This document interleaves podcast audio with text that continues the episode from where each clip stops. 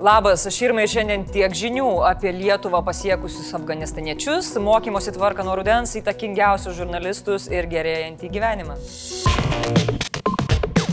Paryčiais Lietuvoje nusileido pirmoji nuo Talibano keršto bėganti afganistaniečių grupė - 50 žmonių. Antrų reisų dieną atvyko dar pušimtis. Tai mūsų kariams Afganistane talkinė vertėjai ir jų šeimų nariai. Iš viso planuojama į Lietuvą parsigabenti 170 žmonių. Afganistane nuo sekmadienio dirba 10 karių ir vienas Lietuvos diplomatas. Jis ten dirbs, kol bus sugražinta paskutinė afganų pabėgėlių grupė. Kaip pasakoja kariai, operacijos sąlygos sudėtingos.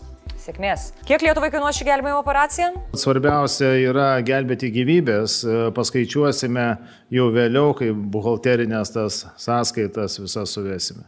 Kitaip tariant, daug. Kol bus atliktos prieglopščio suteikimo procedūros, žmonės laikinai apgyvendinti Raseinių rajono savivaldybėje, bet pasak krašto apsaugos ministro prieglopstį žmonės turėtų gauti be kliūčių. Migracijos departamentas pridūrė, kad procedūros užtruks daugiausiai mėnesį. Sužinoję apie į jų miestelį atkeliaujančius Lietuvos talkininkus, Raseiniškiai juos sutiko labai geranoriškai, siūlė maisto produktų ir įvairių reikmenų. Raseiniai Vo. Kalbant apie evakuaciją iš Afganistano, Junktinės valstijos pareiškė, kad galutinė įsikraustimo iš Afganistano data nesikeičia. Bidenas tikras. We are currently on a pace to finish by August 31st. The sooner we can finish, the better. Prancūzija ir Junktinė karalystė po JAV išvykimo irgi neliks ne minutę ilgiau. Rusija žada likti nuo šalyje. Kaip sakė Putino atstovas spaudai Dmitrijus Peskovas, jie nesikiš į Talibano konfliktą su Afganistano pasipriešinimo pajėgomis Pančero provincijoje. Kita vertus, ekspertai pastebi pirmosius Rusijos bandymus kalbėti su naujaja Talibano valdžia. Jo, eis velnė su velnio baliauti. Kita vertus, JAV irgi su jais kalbėjo stigi kaip ir vienas vienas. Laukiam rūpjūčio 31-osios ir laikom čiūrikus, kad visi, kurie gali palikti Afganistaną, tai saugiai padarytų. Gal galia dosnus ir svetingi rasiniškiai laukia jūsų. Jaučiat šaltuką, matot lietutį, girdit džiugų. Tai ruduo. Ruduo reiškia mokyklą. Kaipgi mūsų mažieji mokysis šiemet? Tai labai priklauso nuo epidemiologinės padėties.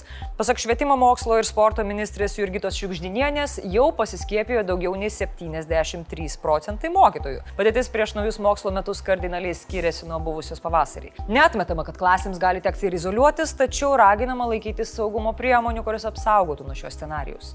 Visose mokyklose bus sudarytos sąlygos mokiniams savanoriškai testuotis. Pabrėžiu, mokinių testavimas yra rekomendacinis. Taip sakė ministrė. Nes savivaldybės negali įvesti privalomo testavimo. Visur testavimas šiuo metu yra rekomenduojamas. Tai yra labai aiški vyriausybės nuostata. O nepasiskiepiję ir nepersirgę švietimo įstaigų darbuotojai testuotis privalės. Jei moksleiviui tektų izoliuotis, pamokų jis neišvengs. Jam turės būti užtikrinamas nuotolinis ūkdymas. Jeigu izoliuotis tektų mokytojui, bus ieškoma pamainos arba pamokos vyks Zoom. E. Apsauginės veido kaukės dėvėti kontaktinių užsiemimų metu turės visi moksleiviai ir studentai, išskyrus pradinukus. Neskiepytiems moksleiviams jokie ribojimai taikomi nebus, tačiau studentams be skiepo paskaitas gali tekti stebėti iš namų. Epidemiologiniai situacijai pablogėjus, vyriausybė gali svarstyti sprendimą kontaktiniu būdu pagrindinį bei vidurinį ūkdymą ir pirminį profesinį mokymą leisti vykdyti tik tada, kai klasė imunizuota arba reguliariai testuojasi. Kaukės tokiu atveju gali tekti dėvėti ir pradinukams. Siekiant nepakengti abiturientų rezultatams, net pablogėjus situacijai nuo kitų metų vasario pamokose jie galės dalyvauti gyvai. Šalies vadovo nuomonė, nepertraukiamas ir kokybiškas ūkdymo procesas turi būti prioritetas, o savanoriškas testavimasis mokyklose turi kurti pasitikėjimo kultūrą. Šiukždinienė akcentuoja, kad mokslo metai bus sklandus tik jei prie to prisidės visa švietimo bendruomenė. Ir žinoma, jei prie to išsitraukia ausų krapštukus iš nosių prisidės ir moksleivių tėvai, tai tada tai iš vis bus viskas sklandu ir glotnu. Kur buvę, kur nebuvę, vėl pristatome įtakingiausių jų topą. Šį kartą žurnalistų. Ir šitas sąrašas man asmeniškai yra kur kas malonesnis. Ir ne tik dėl to, kad pati atlieku žurnalistinius tyrimus, bet ir dėl to, kad aukščiausiose vietose švyti mano kolegos. Tiek ekspertų, tiek visuomenės nuomonė įtakingiausias žiniasklaidos atstovas Lietuvoje yra DJ Andris Tapinas. Sveikinimai tikrai yra už ką. Tiek už beveik prieš metus surinktą Laisvos Baltarusijos palaikymo akciją, tiek už išsėjimą pagaliau išmestą Tomaševskį, tiek už labai gražų naują šuniuką pasieniečiams ir kitokią pagalbą jiems. Beje, galite prisidėti ir pats. Toliau ekspertų nuomonė LRT galva Monika Garbačiauskaitė Budrienė. Prieš tai vadovavo Delfiui, tai gal čia kažkaip tai susiję. Žodžiu, už jos reikėjosi kita mano kolegė Rita Miliūtė. Ne, ne ta valstietė, ten Rūta. Už jos žmogus kartu su Rita likęs už uždarų prezidentūros durų Rimvidas Valatka. Kitas už durų likęs žurnalistas Vytautas Bruveris irgi atsidūrė dešimtuke. Na, o to penketuką uždaro verslo žinių vyriausiasis redaktorius Rolandas Barysas. Verta paminėti ir į dešimtuką pirmą kartą papuolusi blogerį iš mėgamojo Skirmantą Malinauską. Įtakingiausiųjų sąraše atsidūrė ir mano kolegos Davidas Pancerovas ir Birutė Davidonytė. Taigi, sekit mus, mylėkit ir kitame duokit dar daugiau įtakos. Perikime prie visuomenės topo. Pirmą vietą ten, kaip minėjau, užima didžiai Andris Tapinas, o antra atiduota Ritai. Šį kartą už jos Rimvidas Valatka, Monika Garbačiauskaitė ir žurnalistė Daiva Žemytė Bilienė. Dešimtukė atsirado vietos ir skirmantui bei Vitui Tomkui. Taip, žmonių nuomonė Tomkus yra dešimtas įtakingiausias žiniasklaidos atstovas. Visada aukštai vertinamo Edmundo Jekilaičio šiemet įtakingiausiųjų sąraše nėra, nes dar pernai jis pasitraukė iš aktualijų žurnalistikos ir tai didelis praradimas beje. Sveikinu kolegas ir einu dirbti ties tuo, kad kada nors ten atsirastų ir mano vardas.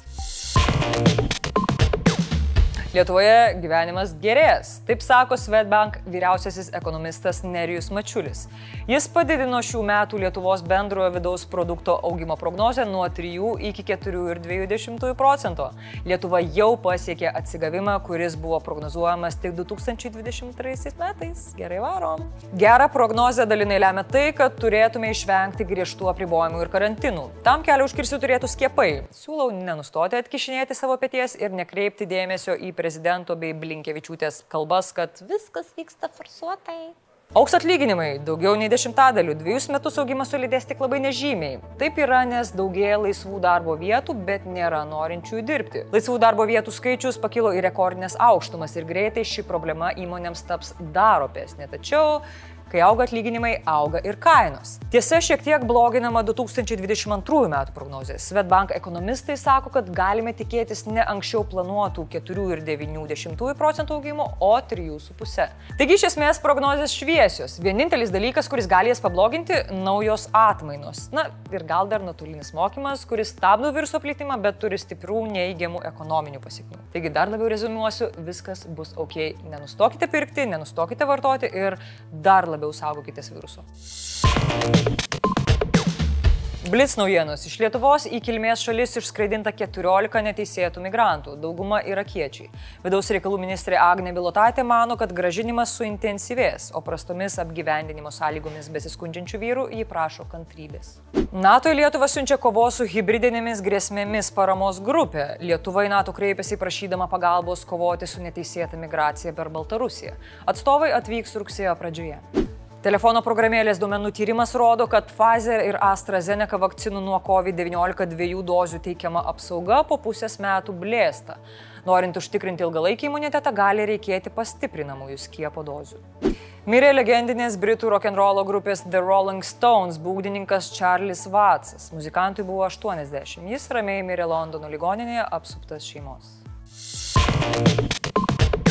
Kokie jūsų įtakingiausi žurnalistai, rašykite komentaruose ir taip pat turiu pranešti, kad dėje dėl pasaulyje sparčiai plintančių naujų viruso atmainų kaukės privalomos visiems.